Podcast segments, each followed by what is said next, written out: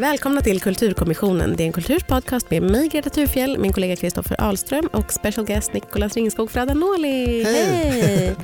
Du är musikkritiker på DN och särskilt inbjuden eh, dels för att du är min vän men också för att du har recenserat Lana Del Reys nya album Norman fucking Rockwell som Ja. vi ska prata om idag. Mm. Kristoffer, vad vill du prata om idag? Ja, som jag är absolut minst bevandrad i den här artisten av oss tre så tänkte jag prata om eh, om det går att, precis som man diskuterar om det går att separera en artist och ett verk så vill jag prata om man kan separera artisten från fansen eller om fansen kan stå i vägen för att eh, hitta till eller uppskatta en artist, i det här fallet då Lana Del Rey. Hmm. Du då Niklas? Ehm, jo, jag ska prata lite om att uh, Lana Del Rey är en artist som ehm, blir olika eh, beroende på hur man, vem man är som ser på henne eller lyssnar på henne. Om man är en cyniker eller om man är en romantiker. Hon är som ett prisma som ljuset faller in i från olika håll. Intressant. intressant. Eh, Jag ska prata om Lana Del Reys eh, manstillvändhet och hur den har utvecklats eh, under hennes verksamma år. Mys.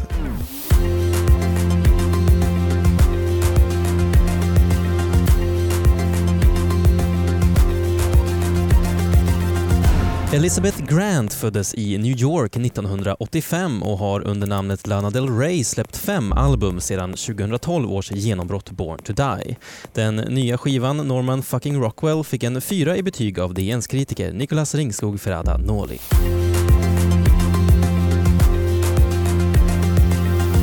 Nicolas, vem är Norman fucking Rockwell?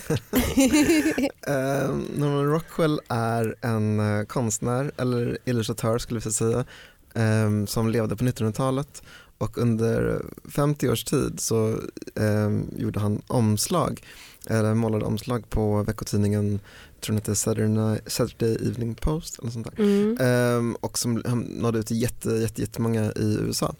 Och ehm, hans bilder blev, alltså alla blev inte ikoniska men många blev det. Framförallt så skildrade han liksom USA, um, liksom amerikanskt liv, de är väldigt här, berättande och, och liksom mustiga de här målningarna. I alla fall, eh, det är kul att Lana Del Rey valde honom som eh, referens. För att, Ja, varför eh, gjorde hon det? Eh, ja, det kan man spekulera i. Jag tror att, eh, alltså, att han hade lite dåligt rykte, framförallt när han levde. Eh, kanske lite efteråt också, eller for, fortfarande så är det ingen som eh, kanske ser honom som en av de viktigaste konstnärerna Mm. i, från 1900-talet. Eh, Han är, han är väldigt populär, eller han framförallt då, men han har ändå ökat i aktning. Han är jättebeundrad för att man har liksom insett hur extre, extremt eh, skicklig han var och hur mycket arbete han la på att stagea de här olika målningarna. Och, eh, ja, och nu säljs de för galet eh, höga belopp, de, hans målningar, hans verk. Och det är liksom en del av helt enkelt av amerikansk 1900-talskultur som man inte kan eh, bortse ifrån. Och jag tänker att hon eh, ser honom som sorts eh, själsfrände, att hon också en, är en, en del av. Missförstånd, Ja, alltså, ja precis, att den här sjuka kombinationen av att vara älskad och liksom att ha jättemycket pengar och Mm. fra- men samtidigt eh, var, väl- var lite frowned upon av eh, ja, men vissa kritiker ja, ehm, och, och så. Alltså, det brukar bli så i alla konstformer att det som är mest populärt inte alltid blir det mest eh, dyrkade nobelprismaterialet.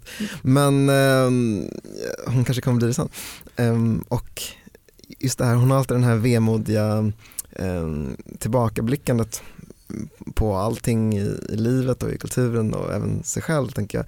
Så att jag tror hon gillar tanken på att någon gång i framtiden så kommer någon tänka på ah, Lana Del Rey, vad synd att hon inte fick uppskattning när hon levde men hon är ändå en Men det är ju inte så. Alltså jag tänker, nu är vi för sig har lite olika relation till Ja. Lana Del Rey här inne och vi har lite olika roller. Men, men jag tänker att Lana Del Rey, kan- i början var hon ju verkligen, verkligen hatad och Ja. jättemycket hatad för att hon var en fjant liksom, och en posör. Och en, Ja precis. Men men Kristoffer, vad tycker du? Vad har du för eh, relation till Del Rey? Tycker du att hon är Jag tänkte om, om vi inte riktigt släpper den, eh, geni? Norman Rockwell-spåret så Nej. tänker jag att de bilderna är ofta så här eh, pur amerikanska, det är apple pie, det är mycket pojkscouter, det är liksom Thanksgiving, det är familj, väldigt rent och obesudlat. Står inte det liksom i kontrast till hennes kulturvärld eller uttryck som är mycket liksom tvärtom. Det är mycket skit och smuts och liksom mörka förbjudna känslor. Fast, ja, fast är, är de så förbjudna? Alltså hon, eh, hon leker ju så mycket med eh, klichéer och liksom med väl eh, beprövade bilder och, och så. Alltså hon leker ju med massa amerikanska, jag ska inte säga klassiker, det, eller jag ska inte säga klichéer för det är så nedvärderande, men klassiker kan man säga. Alltså, eh, liksom, en- någon går in på en bar och bara he opens up a beer, en låt, från nya skivan. Alltså det är massa sådana där eh, starka amerikanska ögonblick som hon laborerar med och även det sorgsna eh, använder hon, alltså det, jag tycker inte att hon går utanför det, um, det traditionella utan hon använder liksom olika um, ja, troper kan man kalla det uh, och sätter ihop det. Precis som Norman Rockwell gjorde. Men det är klart att tiden har förändrats. Alltså det, hade hon varit verksam på 40-talet som han var så, uh, så hade hon inte haft den friheten hon har nu att liksom ta ut svängarna med sårighet och så. Men jag tycker ändå att det är eh, samma ska man säga, distanserade men ändå kärleksfulla blick på USA och på amerikansk kultur. Framförallt så har hon ju liksom, alltså hon, det är ju både, man får ju verkligen säga att det är både och. Hon är ju både väldigt mycket en som liksom le- leker mycket med liksom, eh, amerikanska grejer så, samtidigt som hon är, ska liksom porträtteras så, det, det mörka eller så. Ja. Alltså det, menar, det, hon använder ju det ena för att liksom vad ska man säga, kanske särskilt tidigare då och särskilt kanske på första skivan handlar ju väldigt mycket om, och, alltså den, den är ju mer, liksom, har kanske så en Ja. tydligare amerikansk estetik på ett Ja. sätt som hon Alltså, kanske inte har när vi pratar om den första hon, skivan så menar vi allihop eh, Born to Die. ja, andra det, skivan. Det, precis, det kom en skiva före den. Eh, Det är ingen som låtsas om den första skivan. Nej, inte ens hon. Nej, hon, hon, hon, eh, precis, hon mörkar den. Mm. Eh, jag har själv inte hört den. Det är, så, Den finns ju inte att lyssna på. nej, Eller liksom så det är liksom, något, precis. inte på något lagligt sätt. Så, exakt så, can blame me. Men eh, så egentligen det här är hennes eh, sjätte skiva då. Mm. Men, men ehm, jag tänker en annan sak, eh, eller förlåt jag ska inte av- nej, nej, nej. nej. Du men, men eh, att, att hon kallar för skivan för Norman fucking Rockwell det behöver inte bara handla om att hon identifierar sig med Norman Rockwell, det kan också vara att hon ser på sin skiva, det nya verket som en sorts, uh, här får ni, här, är, här får ni en riktig jävla Rockwell. Liksom. en riktigt, praktverk, en riktigt fin eh, amerikansk Mm, liksom, mm. eh, The next best panorama. American record. Ja, Ja. exakt. Att det är liksom eh, lite självironiskt så. Och för det är ju så att det är sin karaktär, om man tänker på soundet så är det ju ganska eh, klassiskt. Och eh, alla hennes skivor eh, låter ju inte jättemoderna men här låter den minst modern. att det, att det Ja, verkligen. Ja, det- verkligen. Jag tänker alltid, varje gång Lana Del släpper en ny skiva så tänker jag, eh, jag hoppas verkligen att den är lika bra som den första, den andra, eh, Born to Die, som är så fruktansvärt bra. Eh, men som ju också är liksom den hittigaste Den och den poppigaste och den som också gick allra bäst. Liksom, så. Ja, spelades allra mest på radio. Och sen släppte hon två skivor som absolut inte gick att spela på radio. eh, och sen så blev, blev det bättre igen på Lust for Life mm. som jag tyckte var jättebra. Jag tyckte alltså, tvåan och trean är också jättebra. Men Lust Men- for Life tyckte jag var en jättebra skiva. Men fan, jag tror att jag tycker att den här är bättre. Alltså jag tycker att eh, det är lite kul med en skiva för att varenda ny skiva blir man alltid lite så här, aha det låter så här nu. Okej, att man måste vända, vänja sig lite vid det nya Lana. mm, mm. För jag minns eh, när Ultraviolence kom, ehm, För att man alltid hoppas på första Lana. ja alltså jag blev besviken för den och det har jag faktiskt eh, inte skämts för men ångrat lite efteråt. Jag, jag minns jag gav den en, en trea när jag recenserade den i DN. Ut ur studion.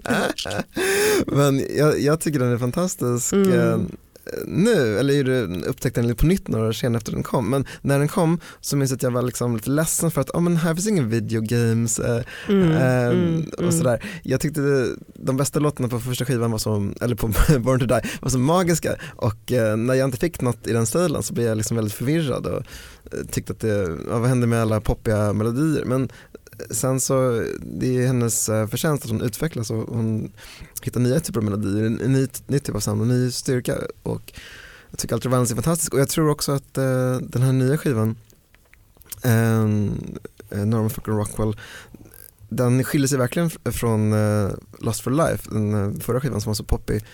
Och eh, vissa kanske kommer tycka att eh, den är inte är poppig nog. Att, att det är tråkigt att här finns ingen sån brak-hits som Love eller Lust for life. Men Kristoffer tycker till exempel att skivan låter som en enda lång låt. Ja, du, du, du frågade mig om, om, om du tyckte skivan var för lång och jag tänkte vilken skiva du menar den där låten som är 70 minuter lång?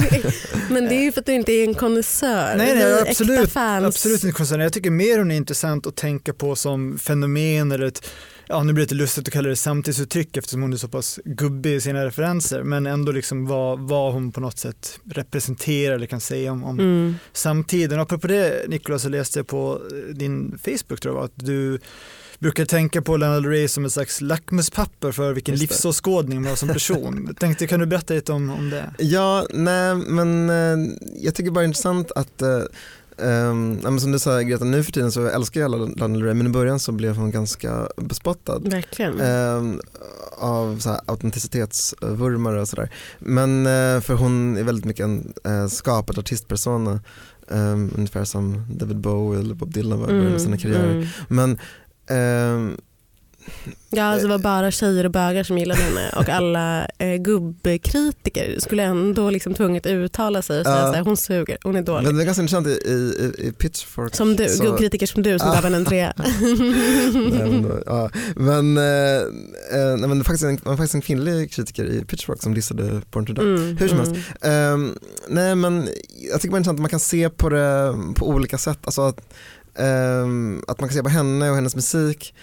Alltså att antingen, antingen sväljer man det och älskar det eller så står man liksom eh, en bit ifrån den och tycker bara den är lite pinsam för att eh, det- är så uppenbara referenser hela tiden. Den här eh, filmen Tropico som hon gjorde den har liksom referenser till Elvis, Marilyn Monroe, John Wayne. Alltså det är så himla... Det är Ja, liksom det är väldigt mycket liksom LDR-lore. så. Hon har väldigt, väldigt, väldigt tydliga, Eh, väldigt tydlig värld. Ja precis, det är liksom inte de mest så här, mm, smakfulla liksom, supernördiga referenserna, de, de, är ganska in your face. Och, eh, och även liksom, eh, låtarnas texter är liksom de är råtydliga, sad girl, alltså heter en låt. Men det, um, det är liksom, man, kan, man kan förstå om man vissa kan bli provocerade av det. Men det, det intressanta är, eller det jag tänkte då med det här med lackmustestet är att om man är en romantiker så, eh, så, eh, så störs man inte av övertydligheten i det. Vet Man bara, bara, bara omfamnar det, de stora känslorna, man, man ser inte de som kalkylerade.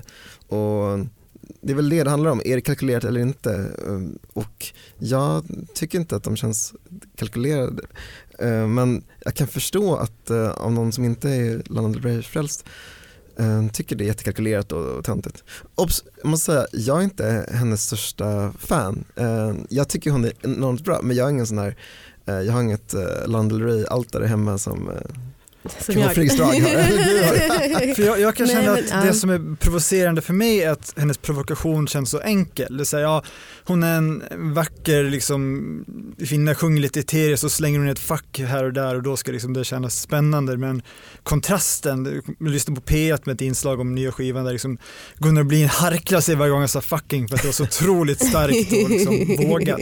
Jag vet inte, jag kan tycka att det, det känns så Det är enkelt. töntigt med svordomar, det är Ja. töntigt att säga fucking. Men det Men är det- töntigt med svordomar och det är töntigt med stora känslor. Och liksom, jag, tycker att det är, jag tycker att det är en bra tes Nicolas men jag, tycker, jag tror också att man kan vara båda två. Eller så här, man kan se, jag kan se att det är så töntigt av mig att precis när det har kommit en ny Lana Del Rey-skiva eh, lägga upp en selfie på min Insta-story och citera Lana Del Rey. But I will. Alltså, jag, kommer inte, jag kommer inte inte göra det för det. För ibland är man på det jävla humöret. Nej, det är absolut inte töntigt, men, men med Jo men det svordomar, är töntigt och man kan ju vilja göra det ändå. Lite som att det är, alltså, det är inte, det är inte, Lana Del Rey är inte det coolaste man kan lyssna Nej, på. Därför verkligen. att det är så eh, extremt mycket så förknippat också med att vara en sån ledsen Tumblr-tonåring. Mm, Men jag tycker det är precis. fine. Ibland känner man sig som en ledsen Tumblr-tonåring. Ja, Ehm, nej men jag tänker just det här med att hon gillar svordomar så mycket.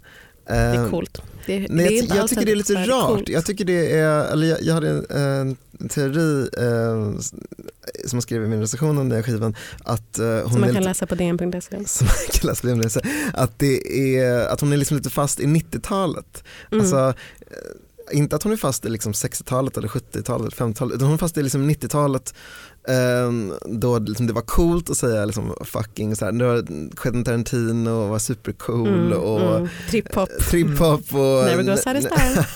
well it does, it did. Men uh, inte i, alltså, someone didn't get the memo, alltså, det är det är så verkligen. kul. Ja. Um, och um, hennes liksom när, när hon liksom refererar till liksom, eh, 60-70-talet så är det utifrån ett 90-talsfilter. Jag menar att eh, en låt på skivan heter Cinnamon Girl, det är en Neil Young-låt eh, som heter Cinnamon Girl från slutet av 60-talet. Mm. Och eh, Neil Young är verkligen en sån eh, 90-tals eh, gubbe. Det är liksom vad var coolt, vad från 60-talet var coolt på 90-talet? Jo, bland annat liksom Neil Young. Ja, hans larmiga grunge-period. Ja, precis. Och liksom när Dinosaur Jr kom tänkte man, ah, Jay Maskis är den nya Neil Young. Alltså det, är, det säger någon, eh, någonting. Menar, det är inte som att hon eh, har, ah, jag älskar 60-talet, jag älskar Frans Fanon liksom, eller något sånt. Nej visst, verkligen, verkligen. Hon älskar den tiden som hon växte upp i och som hon var ung i. Som hon ju fortfarande jagar fast, väldigt fast, mycket. Fast, Fast var hon ung? mindre. Hon, hon är ju 85 så hon var liksom um, um, 10, 11 Jag vet bast. men det är, ju, det är ju de som har den starkaste relationen. Det är De de som formativa var, åren. Ja precis, det är ju inte de som var liksom 25 på 90-talet som är eh, allra mest liksom fortfarande besatta av det. Nej, men jag tror också att det är det här att hon alltid varit för ung för att um, vara en del av det hon ville vara del av. Dels det här med 90-talet som hon var helt enkelt var för ung för, Mm. men även har jag det är då man blir som tokigast.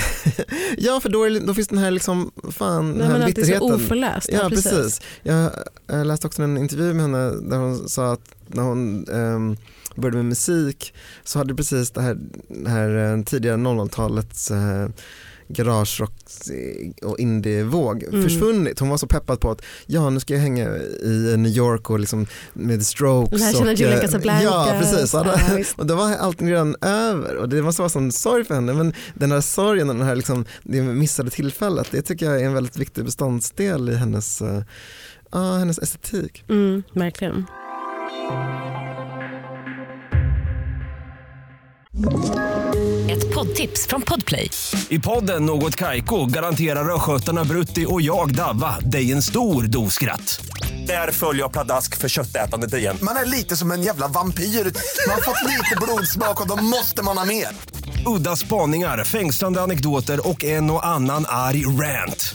Jag måste ha mitt kaffe på morgonen för annars är jag ingen trevlig människa. Då är du ingen trevlig människa, punkt. Något Kaiko, hör du på Podplay. Därför är gardinerna. En sak som jag tänkt på, man diskuterar ju ofta det här med att eh, man måste kunna hålla isär eh, artisten och dess verk. Eh, vilket är en fråga. En fråga jag ofta brottas med är hur man håller isär en artist och dess fans.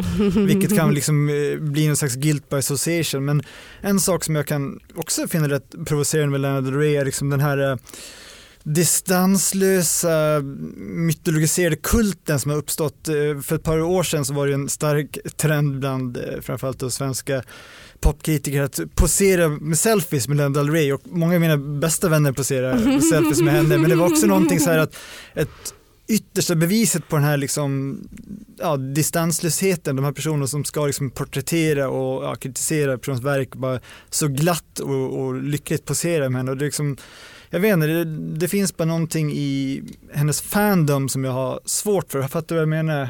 Verkligen. Ska säga så att för några år sedan så var det en trend för eh, musikjournalister att fota sig med vem de än träffade. eh, så att, ja, absolut. Men ja, säkert särskilt Lana Del Rey. Men Jag tror vänta, inte det, jag tycker det är lite olika diskussioner. Det är en sak att det är problematiskt om man är så här eh, journalist eller kritiker att liksom gulla med de man skriver om. Men eh, Men jag tänkte på att det går in i liksom, och det är men väl det är för att Kristoffer bara känner kritiker. Han har liksom inga vanlisar Nej, på sin såklart, Facebook-sida. Så det, Men- mitt flöde är fullproppat. Jag tänkte alla tar en selfie med Rey. jag har bara sett en. Men hur som helst, alltså, eh, men jag menar, har det att göra med hennes fans eller har det att göra med hur liksom, svenska kritiker är? Det är väl något annat? Men jag tycker det är som den diskussionen förut. Alltså, hon har väldigt eh, vad ska man säga, hängivna fans därför att hon ju själv är väldigt hängiven. Väldigt oironisk, eller liksom inte oironisk men väldigt eh, ren i sina känslor. Och då så tycker jag att hon uppmuntrar till att vara det själv också på något sätt. Så jag tänker att det är därför som folk blir så Ja, pinsamma. om hon nu är så ren i sina känslor, eller om det, hon är väldigt skicklig också i hur hon, jag tror hon är väldigt medveten när Mm, hon jo. Alltså i alla, interagerar med människor, journalister eller, fans eller är på konsert. Jag såg en konsert med henne på White West för två år sedan och Mm. det var en underbar konsert. Men eh, hon var liksom så perfekt star. Liksom hon, Ja. hon var väldigt så här showsfri men man fattade att hon visste exakt vad hon gjorde. Jo men det är klart att hon är en persona men jag tror att det kanske det är en- stör ju egentligen inte. Det har aldrig stört mig. Att Nej. jag har tänkt så här, vem är den äkta Elizabeth Brandt? Nej så. gud, nej. Henne vill man inte träffa. Nej, jag har Men- ingen lust. Men eh, det känns som att jag hijackar din eh, tes här Kristoffer. Alltså, Nej, nej, men, men berätta mer om eh, fansen. För grejen att jag måste säga att jag har inte sån järnkoll på hur, hur hennes fans är. Jag minns, Nej, men jag Eh. menar bara att de som helt går upp i, i liksom den här, vad man ska säga, det är lite som jag tänker på när, konstreferens kanske, men tidigare Winnerbäck så var det överallt sprang så folk runt med egen tryckta t-shirt och stod Fröken Svår på eller Hjärtat dam. att man liksom, ja, precis, att man liksom, och som du var inne på LDR lore, att det finns liksom ett helt universum som folk bara liksom, och för att inte nämna då, som du sa, hela det här liksom selfie-kulturen med en Mm. caption med Lana Del Rey-texter, att Mhm. det vet inte, det är någonting som bara, är det så här kvinnor känner när, när män manifesterar sin kärlek för Morrissey till exempel? Eller? Ja, eller Springsteen, ja, eller? eller kvinnor också- också kan, det finns några kvinnor kvinnor som kan manifestera sin kärlek för Morrissey. Har Eh, det hänt? ja, nej, men absolut. Jag tycker, men så känner jag med de flesta eh, band och artister som jag är ett stort fan av. Att jag hatar alla andra fans. Så att, och, och för, in, Men eh, jag Ganska mycket för inte, Lana Del vad, vad är det som är störigt med den här fans? Eller vad är det som är negativt med att... Nej, jag vet inte, det kanske är bara jag som känner mig utanför och inte förstår att, det liksom, att jag därför blir provocerad av folk som så uppenbarligen bara slukar och låter sig slukas av det här. Men hur tycker du man ska bete sig om man är fan? Jag vet inte, det är, jag bara känner att man, det är väl bristen för självdistansen, eller distans till artisten. det är väl det som- det är väl det som är ett fan, fint. Det är det eller? som är ett fan. Nej, men jag, jag tycker det. Och jag, men, jag, men jag förstår samtidigt känslan av att man kan eh, Förstår man det inte så är det klart att man tycker att det är konstigt. Men så tänker jag att det är med, med de flesta. Men jag måste bara Mm. fråga, skiljer sig Lana Del Rey-fansen i sin fandom från typ, jag vet inte, Taylor Swift-fans eller eh, någon annan artists fans? Men kanske är det att de personerna som älskar Lana Rey är sådana som är så himla cyniska och genomskådande av allting annat. Men just henne så verkar det som att det finns en starstruckness som gör dem liksom blinda. Jag vet inte, det är, och det är väl kanske lite samma Ja. med Ja, men det kan Beyoncé, nog lite samma sak Ja, där. men det kanske, ja men det är intressant, men det kanske är också för att Lana Del Rey och även Beyoncé, eh, alltså ehm, Mer verkligen- med, högre grad med Lana Del Rey skulle jag säga. Ja, Därför att de som lyssnar på Lana Del Rey tänker att de är intellectuals. Mm. men jag bara tänker det här, det finns artister som mer eller mindre liksom vill vara en stjärna eller liksom, liksom ge det intrycket. Alltså Taylor Swift kanske är mer girl next door eller Katy Perry också men Lana Rey liksom eh, har från första början eh, liksom satsat på att vara en ikon och då blir man, om man då lyckas bli framgångsrik, då blir man också behandlad som en ikon. Alltså det, det ingår liksom lite i det. Det vore konstigt om hon var den artist hon var och eh, alla var liksom tja, det är Lana. Alltså det, hon är liksom ingen liten eh, indie-trubadur. Nej, verkligen. verkligen. Ehm, Men en annan sak som, som liksom ofta kommer upp när man pratar om Lana Del Rey och som kanske, alltså, kanske var mer av ett problem eller vad man ska säga, som i alla fall togs upp oftare i negativa ordalag, i början av hennes karriär var Mm. ju så här hur um, manstillvänd hon är eller typ vålds, eh, så, mäns våld mot kvinnor förhärligande hon är. Liksom hon, hon sjunger mycket om destruktiva det där är så förhållanden till intressant för, män för är man manstillvänd det om man eh, Ja, men- sjunger om det? Handlar om liksom så destruktiva förhållanden väldigt mycket på ett liksom romantiserande sätt. Ja. Men jag tänker att på den här skivan, och det är hon ju och det kan man väl vara, eh, Kristoffer sa, hon är ganska mycket som du. Men, men eh, Nej, men alltså jag, jag, tycker, tänker att den här tycker- nya skivan är på ett annat sätt. Den börjar med en, alltså den allra första raden är eh, att hon kallar en man som hon dejtar för eh, goddamn manchild. Ja, och sen är nästa text att you fucked me so good och sen är resten av låten handlar om hur vild och fri han är och att han inte kan förändra sig och sjunger väl Men också att han skriver dålig You're just a man, it's what you do. Det är väl ändå Jo, jo absolut. Men, ja, men om man känner sin Lana Del Rey så noterar man en subtil skillnad som jag tyckte eh, fanns lite grann redan på förra Verkligen. skivan. Men alltså den eh, självdestruktiva mer- Lana är, är borta, eller, Ja. liksom, eller inte närvarande just nu. Eh, men hon har liksom utforskat det maximalt på Ultraviolence. Ja. Och kanske, Hon har gjort det, är det det? Hon har, precis, jag, Ja. jag tror att hon, hon eh, har gjort det, att hon vill liksom utvecklas. Ehm, men sen tycker jag också att den kritiken är lite intressant. För vad då mansevent? Det känns som hon sjunger om ehm, jag vet inte, en erfarenhet som kvinnor har. Alltså om man sjunger om våld i en relation och hur det är att vara dels eh, fysiskt misshandlad eller psykiskt eller bara liksom, eh, bli behandlad som skit. Eh, är det vänt till män eller är inte det vänt till andra kvinnor? Jo men inte att musiken är manstillvänd men att hon som person är det. Alltså, jo men nej men, Men är det jag bristen tycker- på problematisering från hennes sida av just det? Det är väl att hon eh, aldrig beskriver eh, sig själv som en person som tog sig ur det utan Mm. en person som är i det. Så.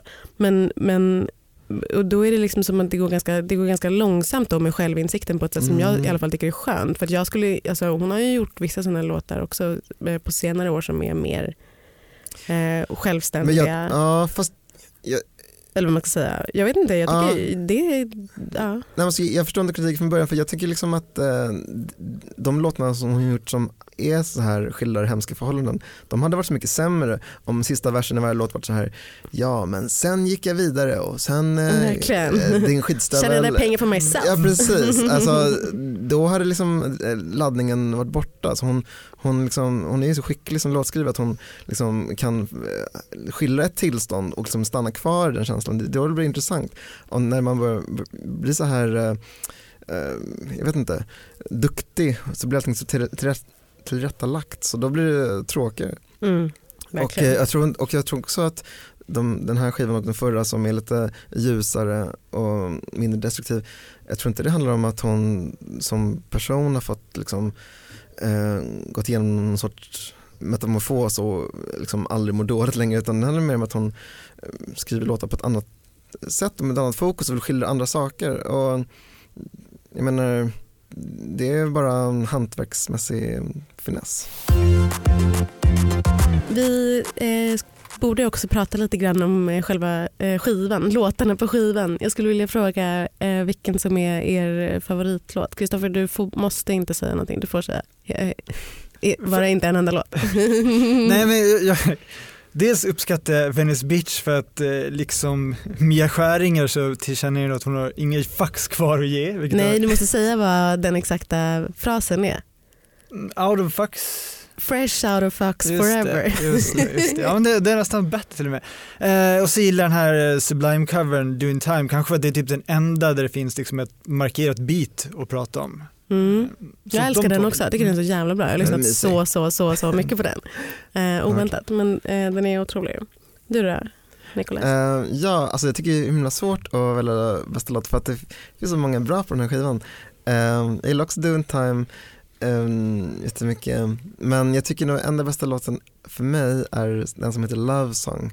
Den är ganska enkel men den är så fin och den ja, stark. Och sen tycker jag också mycket om den här pretentiösa uh, Sylvia Plath-låten. Du måste säga hela titeln. Eh, hope is a dangerous thing for a woman like me to have, but I have it. Ja. för Jag tycker hon uh, sjunger så fint där. Um, hon sjunger fint helt på hela skivan. Tycker hennes sångröst talas det för lite om hur enormt eh, Mm. stark hon är. Alltså, jag kan inte komma på en enda artist i dagens popmusik som inte är liksom en rb sångare som uh, sjunger så eh, extremt mästerligt som Lana Del Rey. Hon är helt otrolig. Och ja, kanske mer än någonsin på den här skivan. Det- Hon är verkligen jätte, jätte, jättebra eh, sångare. Jag håller med om det. Jag tycker inte att den sista låten eh, med den jätte, jättelånga titeln är, det är typ en av de som jag tycker minst om. Men jag liksom, Vad den är jag ogillar försökt, med den? så, ah, jag vet inte, det finns bara så många som är mycket bättre. Jag tyckte det, den, den är en av de ganska många låtarna som har släppts på förhand. Mm. Men jag tycker nog att, alltså jag tycker också jättemycket om eh, Venice Beach, jag tycker jättemycket om Doing Time då. Men det är rätt många av de låtarna som, som inte har släppts sen tidigare som jag också tycker är jättebra. Jag tycker den är väldigt bra mot slutet när många andra um, kritiker, folk som uttalat sig om skivan tycker att det börjar liksom sagga eller tycker att alla eh, låtarna flyter ihop. Då är det så jävla många bra. Ja, ja, Eh, Bar- Den här, Bart How to disappear, Tender. California, The Ja. next best American record, eh, The greatest. Extremt bra uh, streak. Jag har jättesvårt att tycker välja om också. bar, Bartender? Också. Bartender. Också jättebra. Eh, bra. extremt Regina Spektor-inspirerad den låten. Fattar vad du menar. Men alltså eh, The Greatest, jag tycker den liknar Håkan Hellströms Du är snart där som i sin tur liknar John Lennons Mind Games. Alltså, Mm. ehm, Men det är, det är ju liksom överlag jätte- jättemycket referenser. Ja. Det här är ju inte en referens som hon känner till men jag tycker att eh, den låten som heter The Next Best American Ja. Record väldigt meta, låter jättemycket som Kent. Det är någonting jättes, så här, i övergången från vers till refräng som jag bara, men gud det är en Kent-låt. Eh, så Men, men hur, hur ser ni, eh, apropå, då, apropå Håkan Hellström, eh, så är Lana Del Rey också någon som späckar sina texter med referenser och så. Hur känner ni för det? Jag läste att det var, jag tror det var The Guardians recension som sa att det liksom är farligt nära att bli en Easter egg hunt av, av texterna. Känner ni att det står i vägen eller att det liksom... alltså, Det är hon ju jag, alltid. jag tycker, Ja, ja, men om det liksom inte är Ja. använt. jag tycker Ja. inte, det har inte varit något problem eh, när man lyssnar på Håkan Hellström och det är inte något problem när man lyssnar på Lana Del Rey tycker jag. Jag tycker det är mysigt. Det är liksom, det är liksom lite geografi, eh, pop, det är liksom, det är massa um, angivelser hela tiden om var man är i Kalifornien och det är liksom, jag, jag tycker det är lite gulligt med Lana Del Rey att hon flyttade inte till Kalifornien förrän 2012 och så efter hon slagit igenom med Born to Mm. Die Mm. så hon liksom late bloomer i sin liksom Kalifornien appropriering. Och fortfarande helt besatt. Ja, för det men- är ändå rätt många år sedan. men är precis, men, men jag tror, jag tror att det är, man, det, det är det som gör en besatt. Alltså, Mm. Andra kända Kalifornienmusiker, um, Neil Young, han, han var ju uppvuxen i liksom, Kanada och flyttade till Kalifornien när han var över 20. Um, Tupac flyttade också Kalifornien vuxen. Alltså, det är intressant att folk som blivit så synonyma med kalifornisk populärkultur kommer ibland utifrån. Um, och där haltar i och för sig jämförelse med Håkan Hellström för han är ändå native, Mm, göteborgare. Ja. Men å andra sidan, han bodde ju i Stockholm ett tag och då liksom skrev han mer än någonsin om Göteborg. Så ehm, ja, men jag, jag, jag tycker det är intressant. Eh, men eh, vad tycker du Kristoffer? Tycker du att det är ett minus med Ja, referenser? jag, jag tycker lite det att det blir liksom hela grejen med att, vad ska man säga, låna till sig rader blir liksom att ens eget uttryck kanske kommer i skymundan. Fast om det är ens uttryck så blir det Ja, fast då är man ju en samplare. Men jag tänker att Men hon så alltid har varit en samplare och att det är jättemycket av det som är hennes estetik som också gör att man därifrån kan leta sig vidare jättemycket. Det var jättefint geografipop. Det är ju verkligen det det är. Att man Men får det det en som... karta Mm. och sen så får man liksom leta sig vidare på egen hand och hitta referenserna. Inte, och det, menar, det finns ju såklart jättemånga som lyssnar på Rey som absolut inte tar och hittar referenserna och letar Precis, vidare. och jag men det kanske var är det så jag tänkte. är även liksom, utan det. Eh, lika bra for it. Ja. Så det är liksom, jag tror bara att det är, hon är en person som liksom suger åt sig så så mycket hela tiden Ja. och hela tiden letar efter. Jag vet inte, kanske att referenserna är lite som du var inne på att det är inte de svårplockade utan det är så här, summertime and living is easy. Okej, ja, den var inte så svår och liksom hela tiden här, eh, också den här um, Space Oddity-referensen tänker jag på. Eh, Mm. Då? Inte för den här skivan då, men Ja. eh, den är väl Major Tom. Ja just det. Ja, ehm, Ja det är in your face som fan. Mm. Men eh, jag tycker det, men grejen är att hade det bara varit ett lapptäcke av referenser som inte hade bet- betytt någonting, då hade det varit lite tråkigt. Men eh, som du säger Greta så eh, kan man liksom lyssna på det även utan att plocka eller bry sig om alla referenser. Alltså, det, är, det är ändå låtar som håller ändå, det är därför det är så eh, snillrikt tycker jag. Verkligen. Ehm, precis efter att eh, skivan kom, typ två dagar efter skivan kom så, så eh, uttalade sig Lana Del Rey och berättade att hon eh, redan har börjat skriva på sin nya skiva. Som Mys. ska komma nästa år och heta White Hot Forever. Väldigt rolig titel. Jättebra titel. Ehm, hur, hur kommer den att låta Nicolas? Vad tror du? Alltså, jag tror den kommer att låta eh, lite likt den här. Eller mm, det beror på lite om hon eh, fortsätter sitt samarbete med han där eh, Mr Antonoff. Mm. eh, Lina hon- Dunhams sex Är det sant? Eh. Bra info.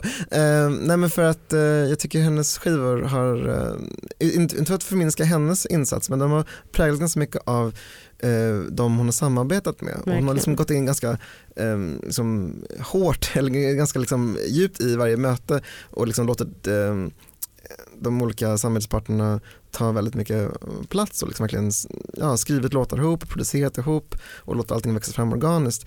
på den här skivan märkte det väldigt tydligt och på Ultraviolence gjorde hon det med Dan Auerbach Mm. och sen var han, eh, sen var hon klar med honom och kunde gå vidare. Men jag tycker ofta att hennes skivor liksom funkar eh, Ja men att, att ofta känns det en skiva som en uppföljare till den, den förra, till exempel att Honeymoon känns ganska mycket som en för- uppföljare till Ultraviolence och jag, jag tänker mig att om man gör en ny skiva som kommer redan nästa år så kommer det absolut vara mm, Jag skulle förvåna mig om den, om den skiljer sig helt radikalt från den här skivan. Men samtidigt så har man ju lärt sig med Lana Del Rey att eh, man ska inte bli förvånad om hon gör någonting som är helt annorlunda än det förra för det, det gillar hon ju att göra. Men eh, Jag hoppas att den ska vara, jag, jag tyckte att Lust for Life var bra, jag tycker att låten Lust for Life är jätte, jättebra men jag hoppas att det inte blir så att hon går tillbaka till att göra, jag tycker, jag tycker verkligen att den är jättebra, jag tycker The Weeknd sjunger helt otroligt på den låten men jag vill Mm. ändå inte att hon ska samarbeta Mm. med popstjärnor. men jag För jag tycker hon gör sig mycket bättre när hon är själv. ja. Och om jag får önska en till sak Lana Del Rey så önskar jag att du, för hon är ju så ehm, och också på Lust for Life var mer liksom politisk. Ja. Eh, och jag tycker det är så himla tråkigt när hon är, så det. tråkigt. Och jag är jätteglad att hon inte är det på den här skivan. Och hon, hon har varit det lite eh, hotfullt mycket i intervjuer så jag hoppas att det inte är det som är ehm, White Hot Forevers grej. Nej, precis, jag hoppas att liksom, um, hon är lite mer deppig.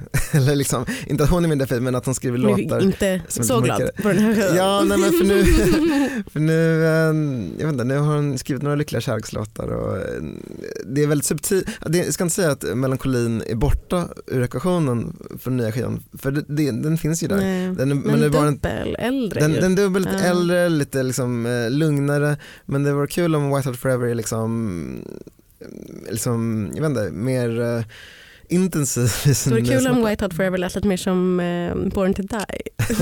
Men om man tänker på titeln White Hot Forever så låter ju det som någonting extremt känslomässigt intensivt. Man bara Wah! White Hot Forever. som bara fortsätter. Så det, så det, det låter inte bara myspyset så det låter bra. Det har blivit dags att tacka för idag och vi som tackar för idag heter Greta Thurfjell, Kristoffer Ahlström och Nicolas Ringskog Ferrada-Noli. Dessutom så vill vi tacka vår tekniker Oliver Bergman. Vi är ett samarbete mellan Bauer Media och Dagens Nyheter. Hej då! Hej då! Hej då!